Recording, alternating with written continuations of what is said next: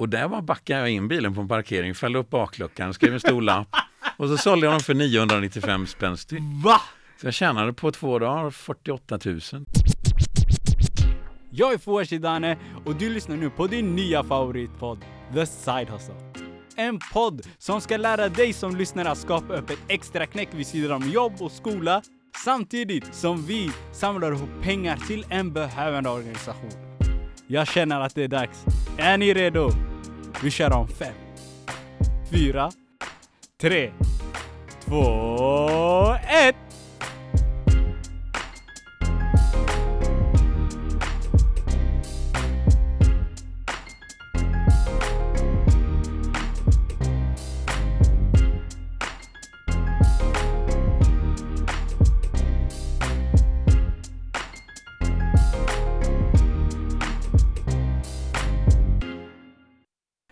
Mina kära side hustlers och full-time hustlers!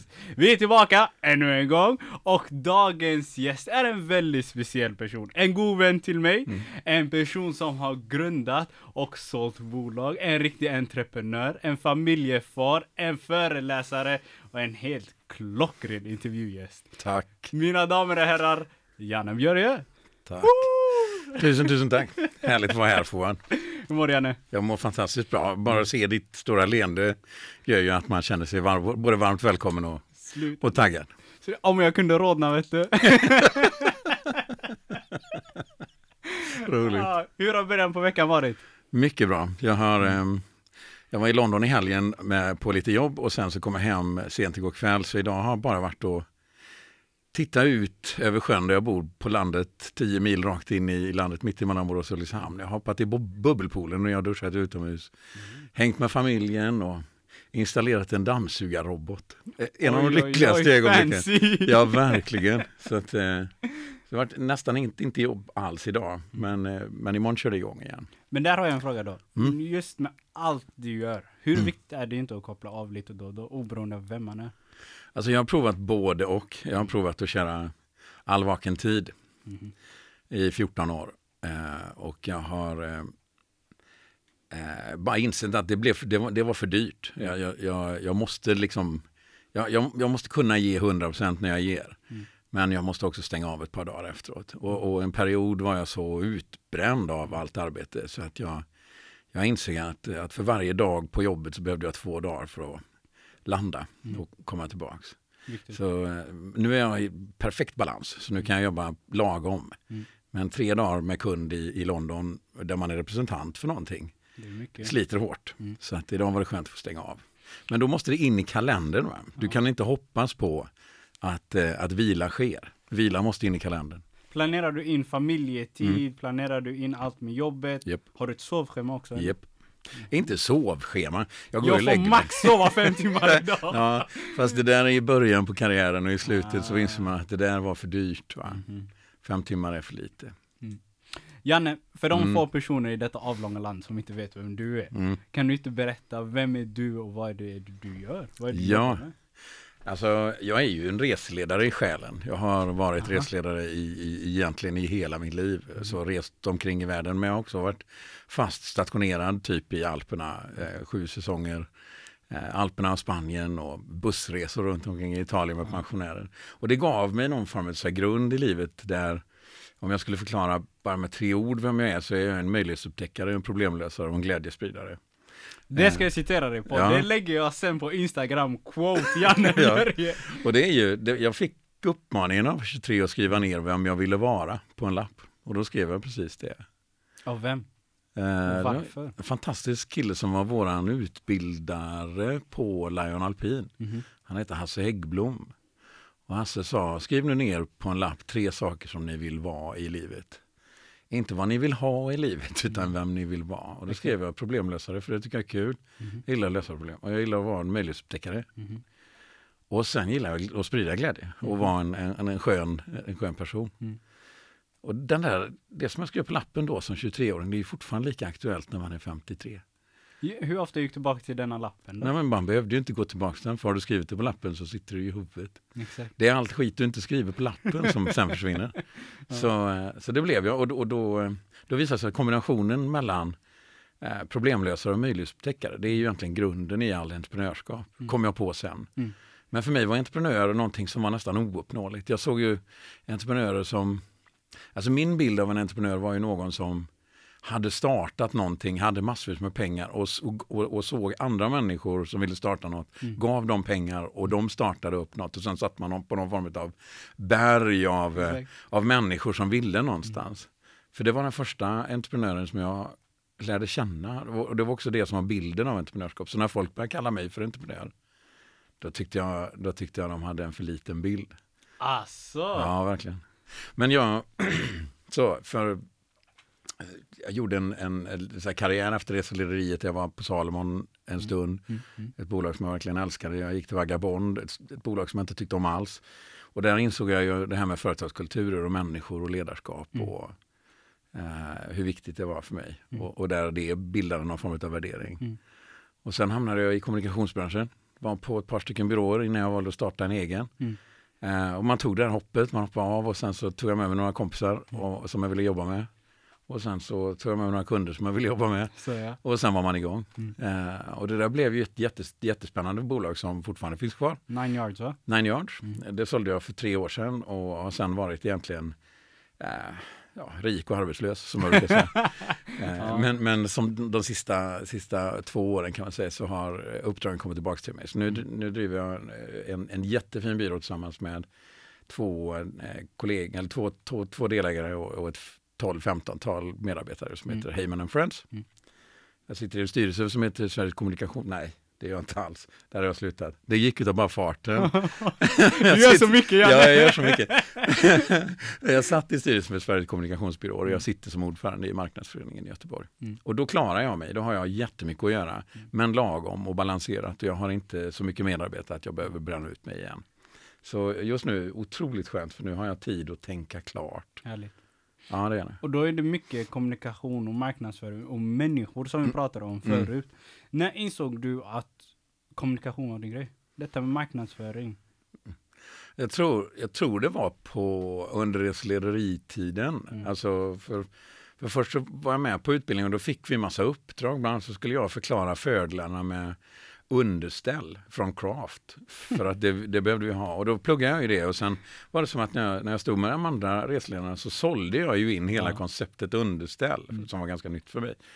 Eh, och så blev jag, jag blev stämplad som fasen du kan ju sälja vad som helst. Lite så. Mhm.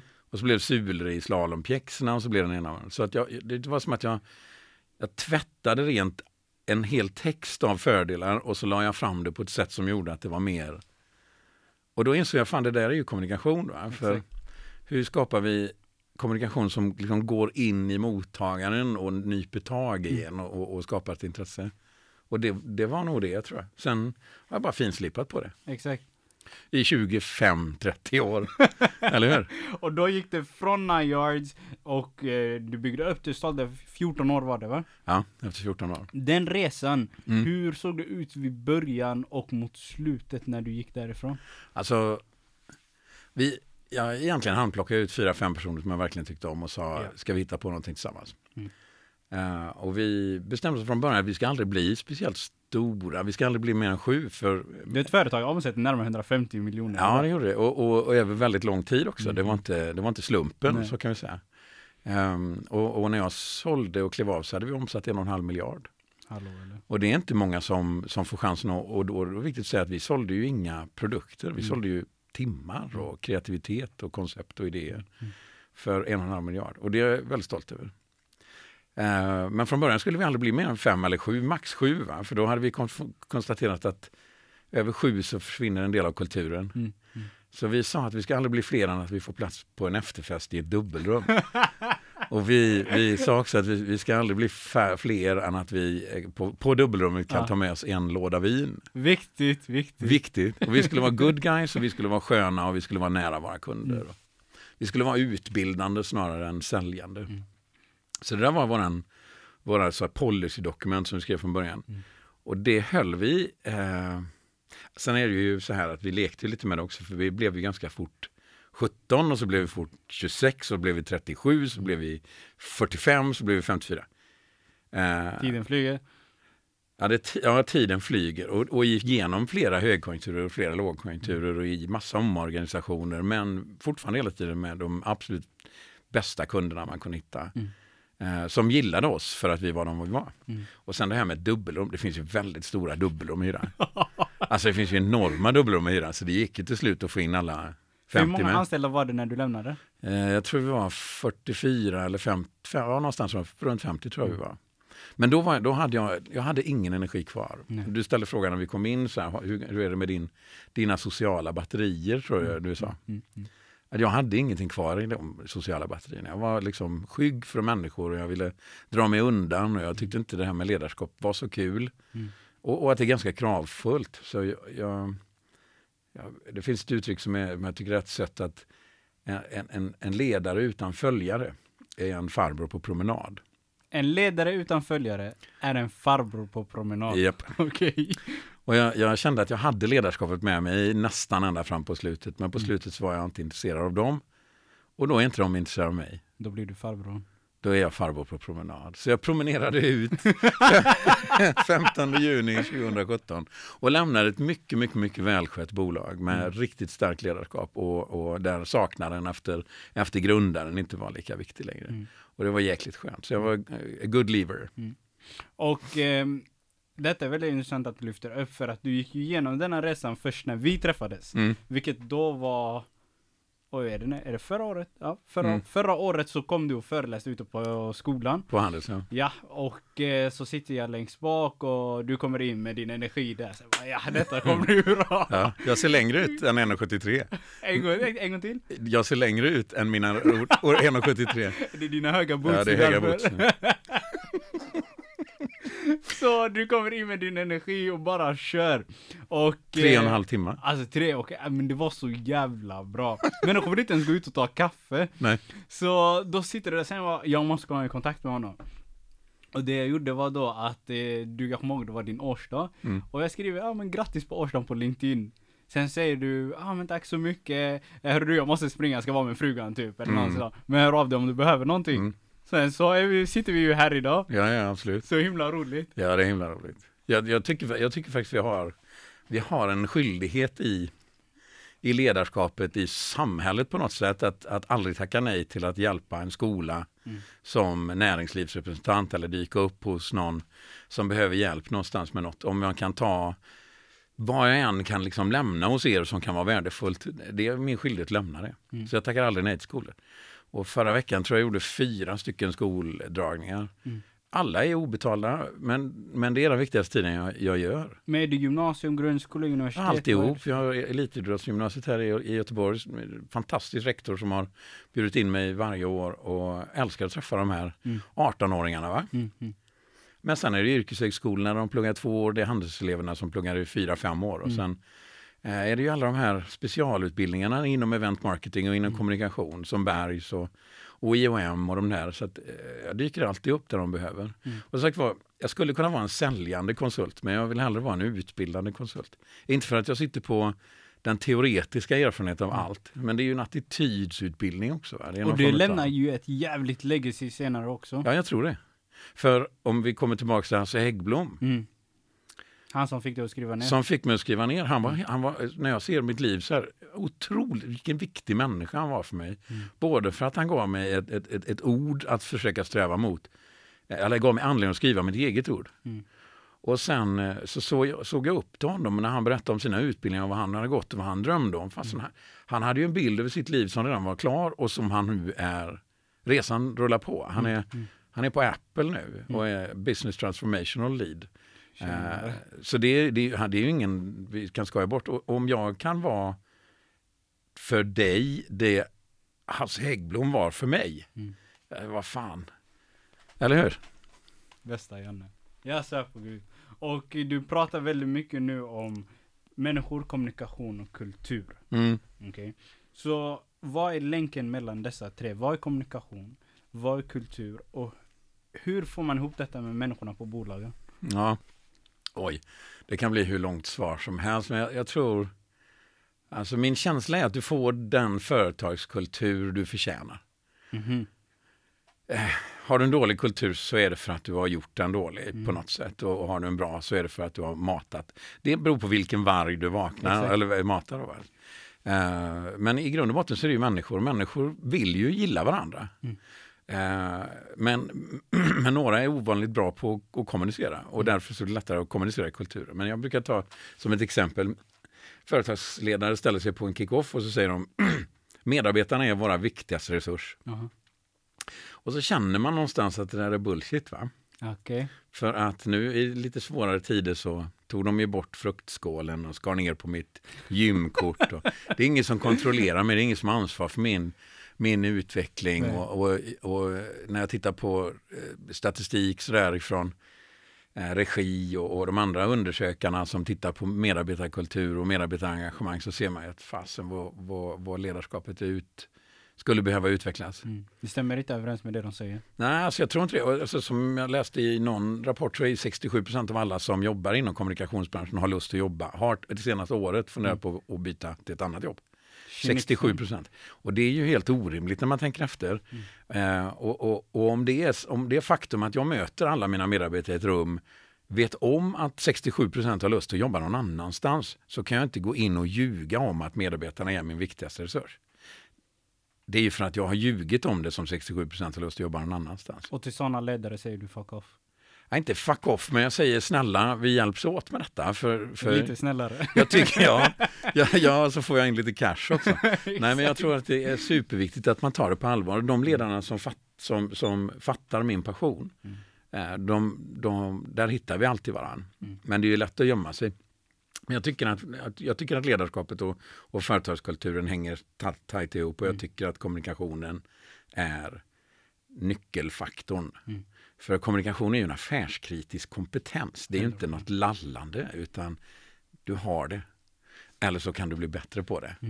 Och vad, just detta med kommunikation och marknadsföringen. Vad är det människor inte tänker på då? Vad, om du kunde ändra två grejer med kommunikation idag. Ja. För alla företag. vad skulle du ändra? Alltså, min absoluta förebild Kevin Jackson, jag hade en, en lång lunch med honom igår i London. Ja, ja. Han, är ett, han är ett magiker. Han säger så här. Marknadsföring är, är något som du använder när du pratar med folk för att du vill ha deras pengar. Det måste du säga igen. Det måste du säga igen. Marknadsföringen är verktyget du använder när du ska prata med folk för att du vill ha deras pengar. Mhm. Men brand experience eller experience upplevelser, Mm. det är att du, ni träffas på samma villkor och du frågar hur är det med dig? Så det är två helt olika sätt att kommunicera och om vi om du känner, vilket du känner på första ögonblicket när vi möts, att jag vill ha dina pengar. Mm. Så kommer du att stänga av något. Va? För du vet att jag vill mig väl. Ja. Eller hur? Mm. Men brand experience, det handlar om när du tar bort alla de, jag ska sälja något till dig. Eh, Och så istället så tittar du dig djupt i ögonen och frågar hur mår du? Hur har du det? Det är den branschen som jag är i. Mm. Eh, reklambranschen, där, vi, där, vi, där jag vill ha dina pengar, den har jag aldrig blandat mig i. Och, och det är de som nu pratar om att de jobbar med kommunikation. Mm. Men jag, i min värld så jobbar de med transaktion. Mm. Eh, och det är en väldigt, väldigt stor skillnad för mig. Jag tycker det är helt avgörande. Så som sagt var, om ett, om ett, ett aktiebolag, ett bolag, ett varumärke eller en, en, en ambassadör för ett varumärke möter dig Mm. och frågar hur du mår snarare än köp det här, så, Mm. så får, då, då händer någonting i samtalet. För jag är det är den sporten jag spelar i. Snyggt. Mm. Vet du vad det är dags för nu Janne? Vad är det dags för nu? Det är dags för de tre heliga. Är det de tre heliga Det nu? är de tre Jag är heliga. lite nervös.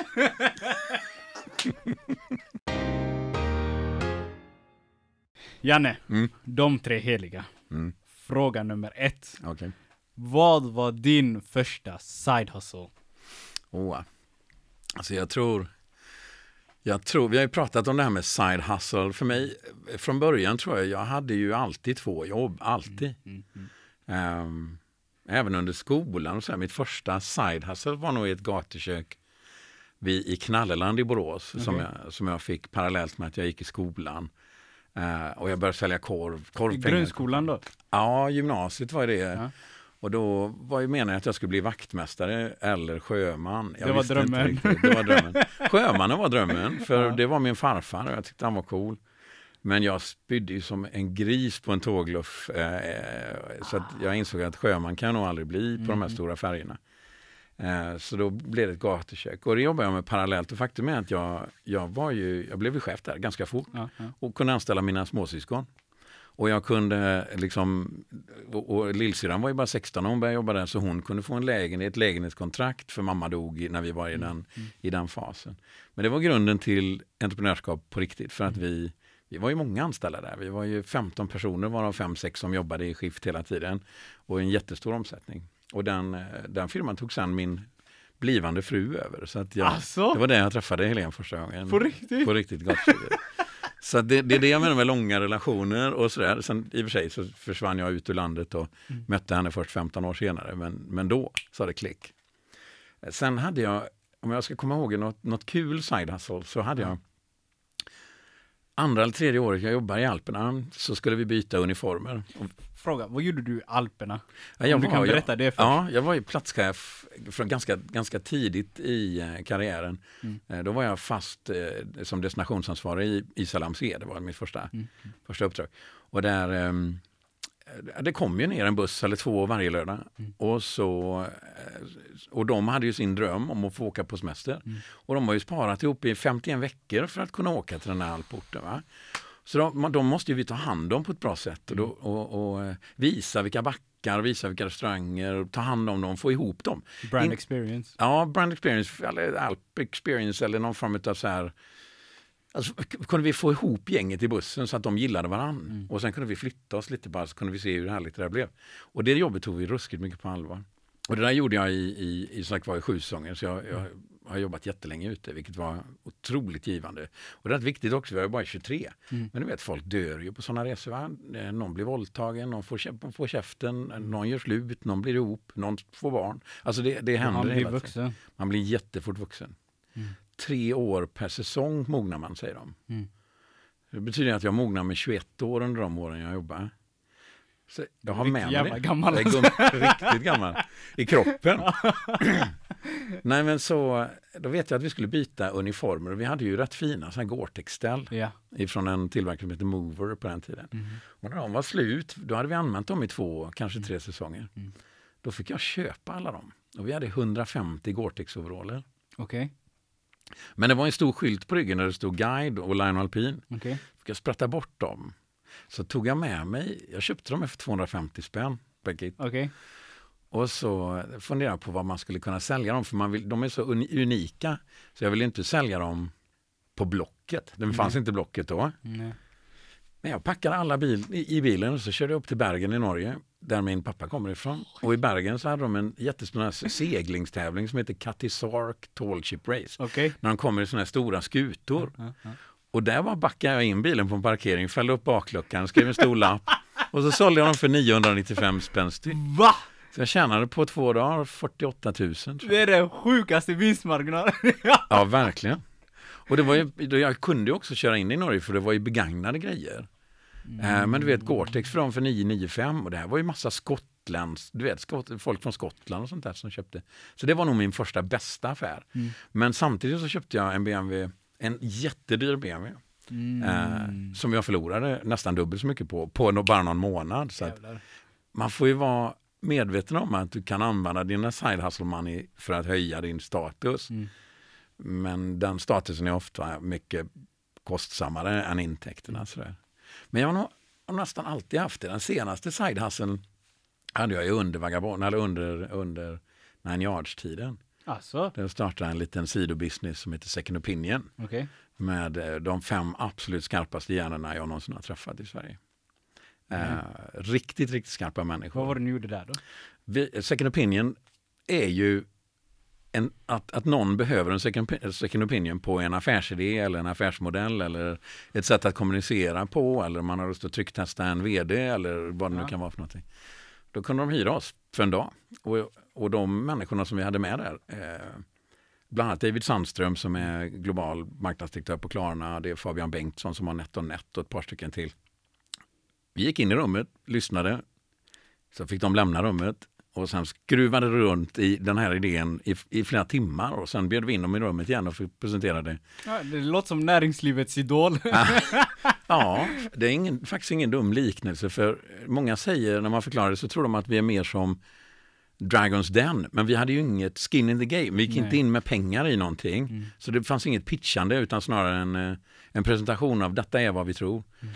Och det där var ett genidrag, för ingen av oss behövde ju plocka ut några lön, så då kunde vi ju ta alla pengarna och åka till Miami och dricka drinkar och ha superskarpa möten med andra människor. Ja. För det, så det, så det, var, det är en riktigt bra side hustle. Mm. Där du byter mot upplevelser. Och det, det är en grej, nu vet jag att, eh, kanske inte är fokuset på just detta, Mm. men det med, du menar med att inte behöva ta ut lön, Mm. det är då olika bolagsformer man kan starta. Mm. Och med vissa bolagsformer så behöver man inte alltid ta ut lön och kan använda pengarna man får in på olika kostnader. Ja, alltså du behöver ju inte ta ut någon lön alls. Mm. Bolag ska göra vinst. Det är tydligen eh, regel nummer ett i bolags, eh, tror jag. Alltså, Ja, ett ja, bolag ska skapas för att generera vinst. Och har du ingen anledning att plocka ut lön så Mm. har du ju massor med pengar som du kan använda för att vidareutveckla dig, att, att träna dig, att prata med en coach eller att köpa inredning till ditt kontor eller åka på, på möten till London med riktigt skarpa människor. Mm.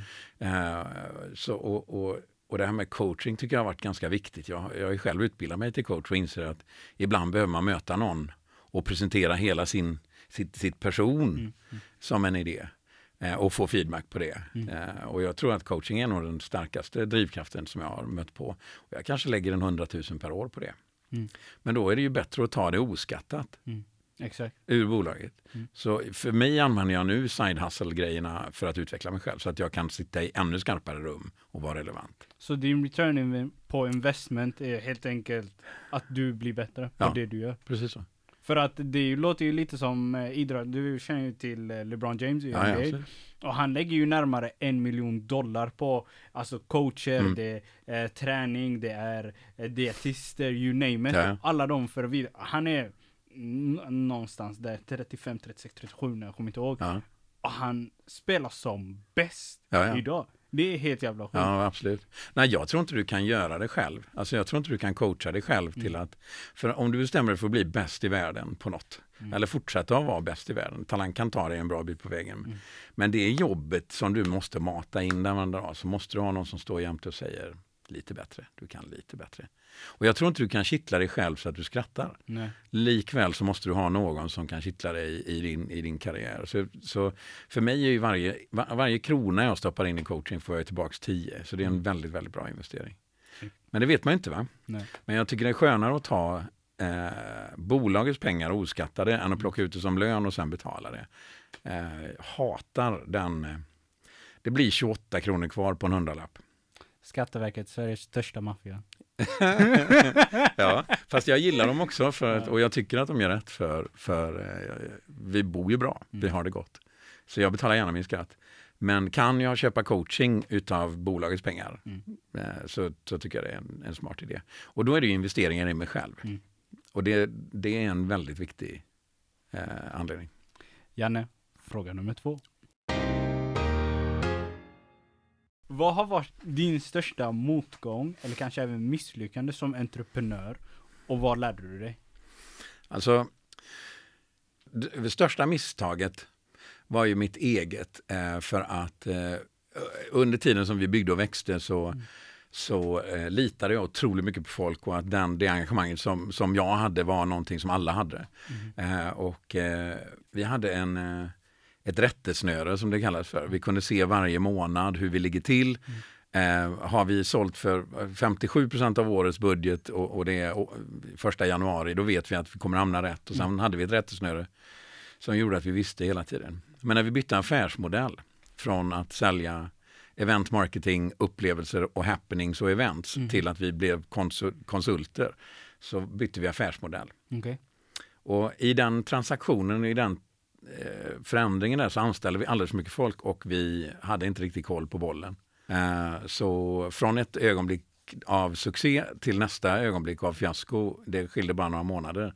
Och, och där blev vi av med flera hundra miljoner i pipen, alltså affärer som vi trodde vi skulle få, men som inte föll in. Och när de inte föll in så blev det uppenbart att vår ekonomichef hade inte heller koll på bollen.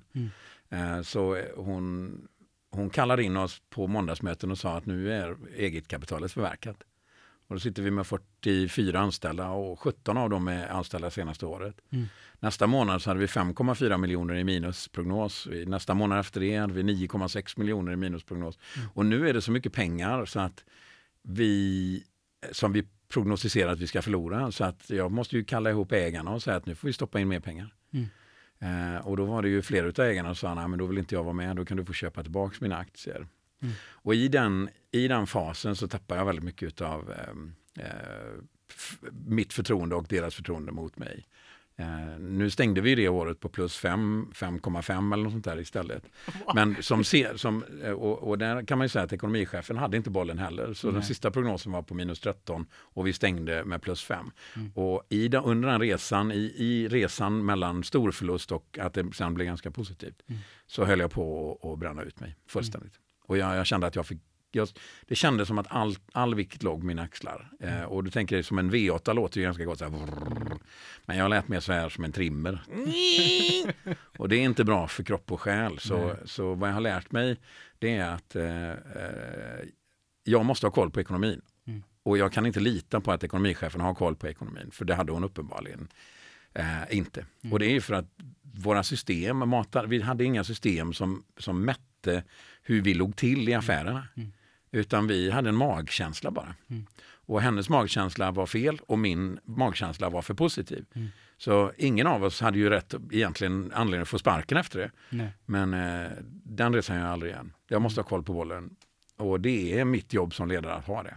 I varenda del. Om du då skulle ge dig själv tips som Janne, du är kanske 18 idag, fresh out ur gymnasiet eller kanske 23-24 precis ur universitetet eller 30 bast precis kommit in i sin karriär Mm. och ska starta en side hustle. Ja. Hur kan man använda sig av denna lärdomen?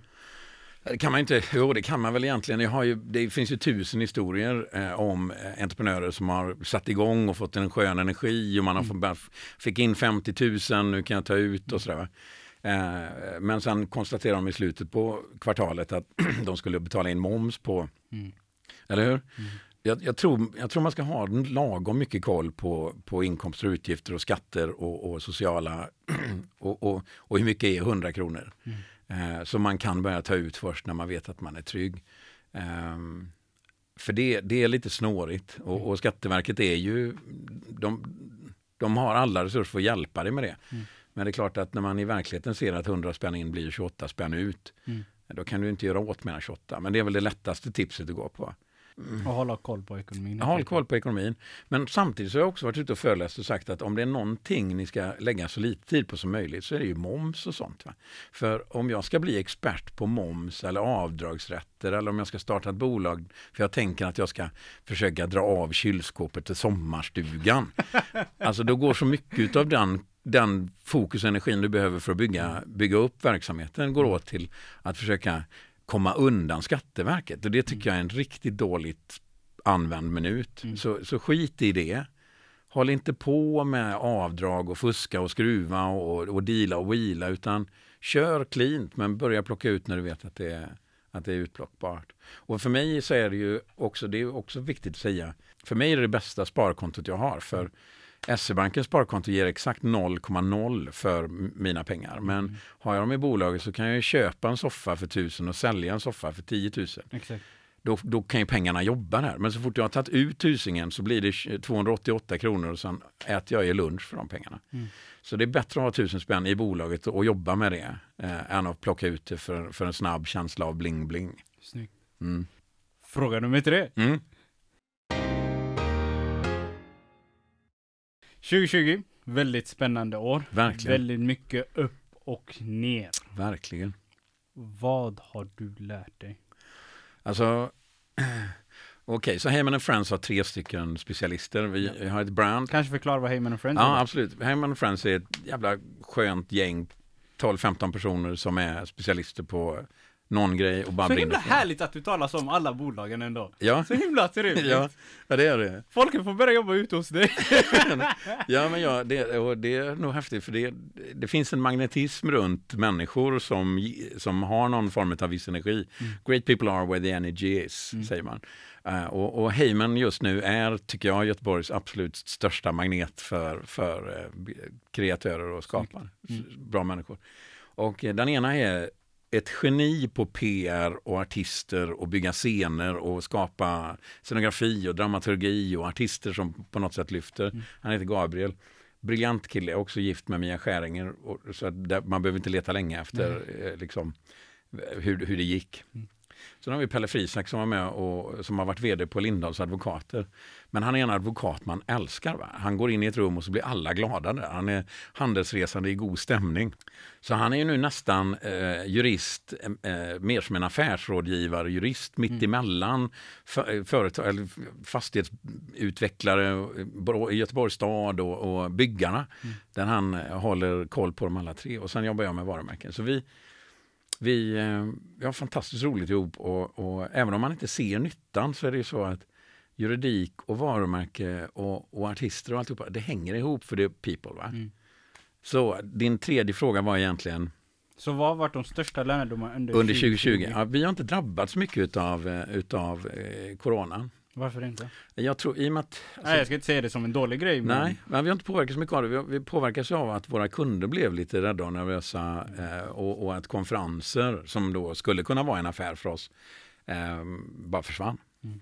Men vad som hände var jag åkte ifrån London den 13 mars och det kändes som att de stängde dörren bakom mig när jag klev in på flyget. Och sen var ju det helt tomt. Va? Så där kände vi ju någonstans att nu fattar vi att folk kommer springa som höns. Va? Och, och, så då sa vi, vi stänger ner ett, ett par veckor. Mm. Så jag åkte hem och då, man skulle inte vara på kontoret heller. Nej. Så jag åkte hem och så skrev jag på mina sociala kanaler att nu, nu kan ni ringa om vad som helst för jag fattar att det är oroligt där ute. Mm.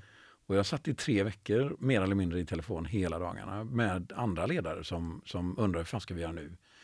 Måste jag sparka alla nu? Hur klarar vi detta ekonomiskt? Hur kommer staten att reagera? Mm. Och bara få vara en röst där. Bara få, vara, bara få lyssna och, och få vara ett råd där. Mm. var jäkligt värdefullt både för mig och för Heymans sen. Mm. Men också för dem som jag pratade med. Så det var väldigt värdefullt.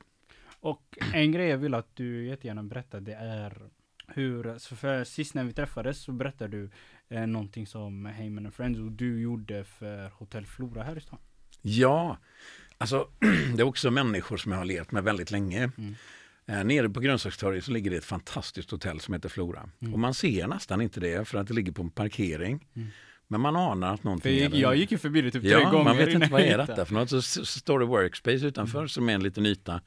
Mm. Eh, men du vet, jag, är, jag har ju funnits i de här lokalerna sedan 2001 eller i området. Um, och jag gillar Karina och Daniel som äger detta. De är mm. så himla fina och deras barn jobbar där och mm. de människorna som är där, man är verkligen kompis. Mm. De vill inte sälja mig ett rum utan de frågar hur mår du? Och det är en jäkla skön känsla. Så när jag sitter och äter frukost där, en, eh, jag tror det måste vara den 15 mars, då står de i telefon. Det är två dagar efter du har kommit hem? Ett par dagar efter jag kommer hem. Det kan vara dagen efter också. Mm. Och då står tre personer i receptionen och svarar i telefon samtidigt och bara tar emot avbokningar. Avbokningar på rum inför Håkan-konserter, avbokningar för konferenser, avbokningar från events, avbokningar, avbokningar, avbokningar. Och, och, och jag ser att Karina har tårar i ögonen för att hon ser ju hela sitt livsverk bara rasa. Mm. Och vi vet ju inte hur, lång, hur länge kommer detta vara. Sådär. Då visste jag att vi hade bara en månads uppsägningstid på våra lokaler på Vallgatan. Mm. Så då ringde jag och sa upp dem. Och så sa jag vi flyttar in. Så vi tog med oss våra, våra datorer, och våra bildskärmar, våra pennor och våra grejer och sen så flyttade vi in hos dem. Så hade vi ett fast kontor i ett konferensrum. Mm. Men vi kunde också liksom vara i hela så då var ju vi 12, 15, 18. Det kommer kunder, det kommer artister, det kommer människor, det kommer möten. Det kommer, vi samlade ihop folk och hade långluncher där vi satt på väldigt stort avstånd. Sådär. Men just bara få igång energin. Va? Mm. Jag försökte sova över så ofta. Det var ju billigare för mig att stanna över än att åka bilen hem. eh, och, och, så stoppade vi in så mycket pengar vi hade i, i dem. Och jag tror mm. inte, eh, det var nog inte pengar som gjorde att de, men de hittade tillbaka till någon form av energi. För jag tror ett hotell och en samlingsplats måste också vara en magnet. Va? Mm, mm. Och, och, det är det om människor är där. Men är det tomt så är det ingen som går in. Men och detta dem. behövde du inte göra. Nej. Så vad fick dig att göra det? Eh, Eh, nu försöker jag komma på sådana smarta grejer. Att, eh, jag tror att det var en kille som hette, han som var med på SAS för eh, Jan Karlsson, han sa du kan inte ta ansvar för sånt du inte känner till, men du kan inte låta bli att ta ansvar för sånt som du känner till. Mm. Eh, och, och, nu såg jag i avbokningarna och då, då är det, nu plötsligt blir det mitt ansvar. Mm. Eh, eller vårt ansvar, då får vi hjälpas åt. Amazing. Anna. Det spelar nog ingen roll vart jag hade varit. Om jag så, ja, vi hade inte flyttat in på en pizzeria bara för att telefonen gick ner. Men, eh, nej, men det känns så naturligt för oss att flytta in där. Det var väldigt avgörande för oss också. För vår kultur blev det superbra. Nu är det dags för din Hustlers list. Ja. Okej, så det kommer några sådana här lite så här snett ovanifrån. Men Mm. Ja, det, är ju, det är fem, jag har skrivit ner fem stycken saker och det är nästan så här typ attityder. Eh, och, och för mig, när, när jag ska skriva den här hustlers list så måste jag ju veta varför då? Varför ska man ha en hustlers list? Och då tänker jag att, en, att bli en hustle, att ha en side hustle, det är ju bara för att man ska få någon form av ekonomisk lugn. Va? Mm, mm. Att man ska känna att det inte är bråttom hela tiden. Att, man kan, att axlarna åker ner och man kan ta kloka val när du hamnar i en rondell eller en korsning. Mm. För de- det de flesta gör när man har ingen, när man inte har något underutsfett alls i sin, sin personliga plånbok eller Mm. e, så blir man ju lite hispig, man tar massa dåliga beslut. Mhm. Så för mig har det alltid varit skönt att ha en, en ekonomisk frihet att välja. Jag kan ta höger eller vänster, det spelar ingen roll. Mm. Eh, och jag tycker det är helt underbart när, när dammsugaren går sönder och man säger, vet du vad, då köper vi en ny. Och så gör man det, man behöver inte vänta med det. Men jag vill också kunna känna, fan vad jag är sugen på att åka till London nu och så gör jag det. Mm. Eh, så mina krav på min egen här, ekonomiska frihet, Mm. de är fortfarande relativt hanterbara. Mm. Men jag lever som en kung Snyggt. på, på många sätt. Men, men jag, är inte, jag är inte stekig, jag har ingen visp, som de säger, eh, att åka på semester med. Men så här, om du vill ha en ekonomisk så här, frihet och känna dig lite lugnare så, så finns det, är mitt första tips så här, eh, gör alltid mer än du får betalt för, som en investering i dig själv. Med Ge alltid mer än du får. Mm. Ge alltid mer än du får som en investering i dig själv. Kortsiktigt så får den andra mer för sina pengar. Men långsiktigt så, så blir du känd som den som alltid ger mer. Mm. Så man börjar alltid med att ge och sen får man. Mm. Så, och det är nästan någon form av så här, livsfilosofi som jag har sett år efter år har fungerat hur bra som helst. Den andra, orka. Orka. Orka Och med det menar du? att det tar ju emot hela tiden. Alltså jag kan på riktigt, jag har ingen riktig ekonomisk anledning att gå upp på morgonen klockan 6.05. Nej, Jag kan inte hitta härligt. i mig själv 05? varför ska jag gå upp då? Ännu värre, varför ska jag sitta på Landvetter och lyfta 6.05 för Mm. ytterligare ett möte där jag har möjlighet att tjäna en, en, ett par tusenlappar eller en hundratusen. Då måste jag ju tänka orka hela tiden. Mm. Orka nu göra detta. Orka åka på det där eventet. Orka och gå på den där födelsedagsfesten. Orka nu och ta lite plats. Orka skriva om din lista. Orka köra till Göteborg. Så orka är viktigt. För de flesta gör inte det. Innebär det då att du tar tag i ditt ork varje dag Japp. på nytt? Varje dag. Och, och, för, ja. och då, så, så ett av de första orden som hela tiden poppar upp i mig, eh, det är ju nej vad fan, det här vill jag inte orka. Mm. Och så är jag på. Eh, så orka har varit väldigt, väldigt viktigt. Och jag använder hashtaggen orka på i stort sett varenda grej jag gör. Vi ska också använda den nu. Från Bra, och med nu använder vi hashtag bra, orka. bra. Ottilia, du hörde detta. Vi skriver ner det. Ja, Med det när jag ska till gymmet sen. orka. Ja. Ja, men jag tror det är bra. Sen, sen, eh, för mig har det varit ett viktigt ord. Mm. Och sen har jag en grej till som jag tror är viktigt för alla hustlers där Mm. ute. Det är att hitta de styrkor som du har att hustla med. Aha. Och för du kan ju inte, om, alltså så här, om jag vill tjäna lite extra och jag är stark, då kan jag ju bära folks lådor. Men det är ganska lite värde i att bära folks lådor, för nästan alla kan det. Mm. Så om jag ska nu skaffa mig lite intäkter och räcker upp handen och säger hej, jag kan bära dina lådor, så är värdet litet. Intäkterna är litet och jag kommer bära en jäklans massa lådor innan jag kan ha några pengar på banken. Mm. Så vad är det för styrkor jag har då som jag istället kan stoppa upp och ta? Och då finns det en bok som heter Strength Finder Okej. briljant jäkla bok som handlar om, du vet skolan, den letar ju efter det du inte är bra på, så får du ett, ett, ett, ett, ja, de felsöker ditt prov. Exakt. De felar dig som student, men vem är det som ska rätta dig då? Och vad är det för styrkor du har? Mm. Och då, Strength Finder är en bok som läses på en halvtimme och sen så svarar du på 200 frågor. och Sen får du sju sidor pdf om vad du är bäst på. Fuad. Strength finder. Strength Finder, det som att läsa, det är den finaste komplimang du kan få. Och när du tittar på de styrkorna som du har, Mm. Då är det bättre att forma ett erbjudande som är baserat på, på, de, på de styrkorna. Mm. Än att du ska bära lådor eller stå i någon reception bara för att du ska få in pengar. Så använd dina styrkor som en side hustle så kan du, jag lova dig att det blir, det blir liksom lönsamt. Det låter mer viktigare för en person än en jävla masterutbildning. Ja, verkligen. Jag tror det. Alltså, jo, och jag tror att... Tänk dig kombinationen då. Mhm. Att du vet dina styrkor och har en masterutbildning. Damn! Mm. ja, så ta, ja. Bra för Den senaste grejen är, lyft fram värdet i det du skapar. Och då finns det en annan kille som heter Seth Godin. Mm. Som är min, min absoluta husgud. Och allt finns på nätet. Så, så googla Strengthfinder 2.0, ladda ner den, det kostar ett par hundralappar. Men det är de bäst investerade hundralapparna du har.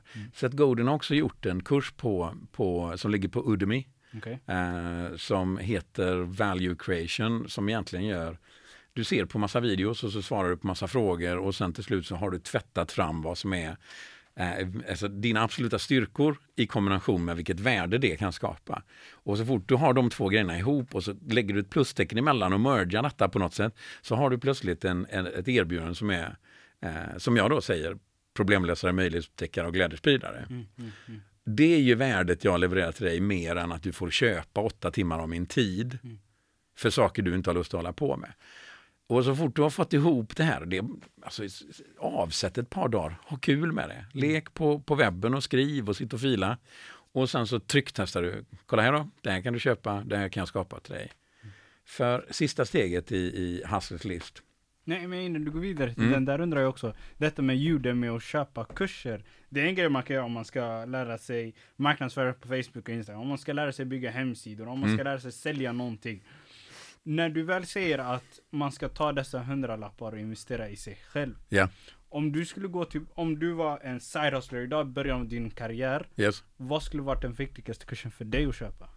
Jag tror faktiskt Strengthfinder Mm. hade varit den första kursen.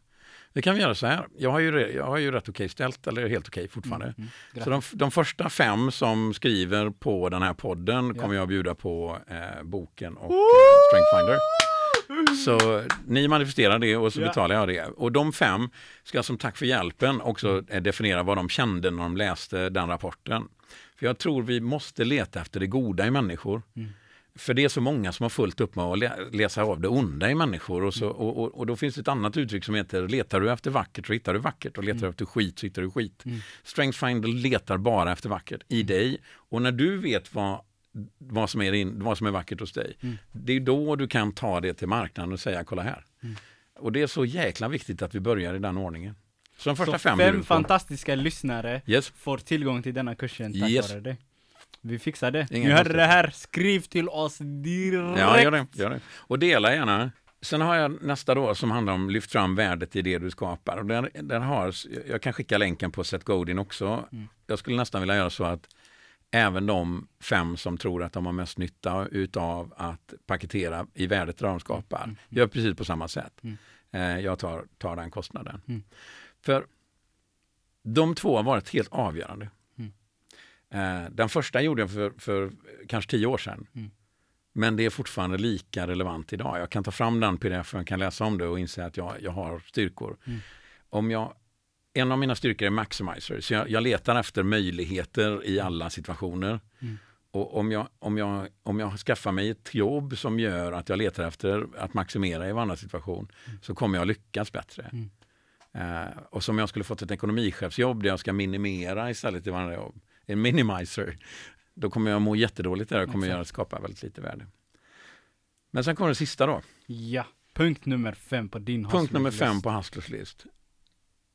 Innovate and marketing. Innovate and marketing. Mhm. Så vad du än håller på med så handlar innovationen i det. Det handlar om att utveckla din tjänst så att den blir ännu bättre för din kund. Och sen marknadsför du det. Vad är bättre för min kund? Så marknadsför man det. Vad är bättre för min kund? Så marknadsför man det. Och det här är som någon form av så här loop som bara måste loopa hela tiden. Mm. Oavsett om du är privatperson som hjälper andra eller om du är ett litet företag som hjälper andra företag eller om du är ett stort företag som hjälper många människor. Innovate and marketing, så fort du lägger lika mycket kraft på de här två Mm. så kommer bolaget fortsätta snurra. Men tar du bort ett av dem så går du raka vägen in i någon form av medelåldersfas, åldrandefas, institutionaliseringsfas och död. Va? Ja. För om du inte är innovativ mot dina kunder, inte som innovation som, som eh, hittar på grejer va? utan att man innoverar lösningar som gör det enklare för kunderna Mm. och bättre för kunderna och skapar ett högre värde för kunderna och sen marknadsför det. Mm. Så länge du håller på så, så, är, så står du rätt säkert. Så bara för att sammanfatta, Mm. inte bara dessa punkter, men hela samtalet. Mm. Om man skapar ett fantastiskt team och bygger bra grund och bra människor runt omkring sig. Om man hittar någonting som kunden verkligen vill ha, sen går och säljer, Mm. då är det ett fantastiskt recept. Ja, det, och, det, och det är precis så man gör pannkakor. Och du kan inte göra det på ett annat sätt för det, då blir det inte pannkakor längre. Så Nej. receptet är väldigt enkelt. Börja med dig själv. Vad drömmer du om? Vad är, vad, vad, vad är viktigt i dig? Vad är det du har för styrkor? Samla andra människor som har samma styrkor eller kom, kompletterar dina styrkor.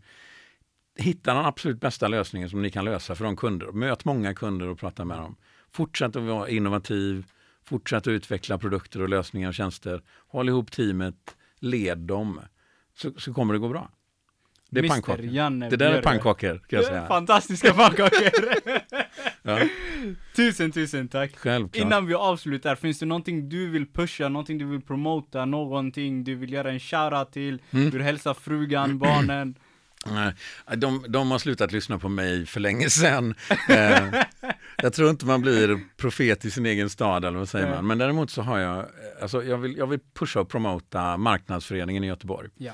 Eh, och jag är ingen marknad, eller jag är ingen eh, föreningsmänniska alls egentligen. Men jag tycker eh, tjejerna på, på MIG gör ett grymt jäkla jobb. Mm. Vi är tusen företag i Göteborg som verkligen behöver samlas då och då och mötas. Och vi behöver ny kunskap, och vi behöver känna folk och vi behöver veta vilka som är våra vänner. Och, eh, och tjejerna plockar fram trender och insikter och skarpa utbildningar och föreläsare som flygs ner ifrån hela, hela Sverige för att stå på våra frukostmöten och utbilda näringslivet. Och samtidigt som vi utbildar näringslivet så, så har vi möjlighet att känna varandra och dricka ett gott kaffe och ha kul under tiden. Och vi, jag tror alla föreningar sliter rätt hårt nu i coronatider för att vi, vi ses ju inte och då känns inte värdet lika viktigt. Va? Men eh, om jag får göra en shoutout så skulle jag nog vilja eh, uppmana er alla att antingen gå med som medlemmar, det är inte stora pengar, delta i de här medlemskapet, dyk upp på våra träffar, eh, lär känna oss och, och så vi får lära känna er. För vi har, MIG är den enda organisationen som jag vet som inte har någon offert med sig i bakfickan när de träffar er i viljan att göra er bättre. Så jag är förälskad i marknadsföreningen i Göteborg och jag älskar att stå eh, som kapten på den skutan. Men, men jag saknar medlemmarna nu och jag saknar nya medlemmar. Så du står för någonting nytt. Ja. Ehm, The Side Hustle är med, alltså det oroa dig inte, vi är med, vi är ja, med. Absolut, det är bra. Det är bra. Shoutout till marknadsföreningen i Göteborg. Mm. Du har ju lovat nu fem personer som får uh, Strength Finder Fem personer. och fem personer som får Seth Godin-kursen. Japp. Samt så har du gett oss en fantastisk hustler, till ett fantastiskt avslut. Härligt. Mr Janne Börje, tack så mycket. Tack ska du ha. Kära side hustlers och fulltime hustlers. Ni har lyssnat på The Side Hustle med mig, Fouad Shedane. Teamet består av Ottilia Tuneroth, Beatrice Ha och Heidi Botic. Originalmusiken gjord av Kevin Rastenberger. Tillsammans med er lyssnare ska vi samla ihop en miljon kronor till förorten.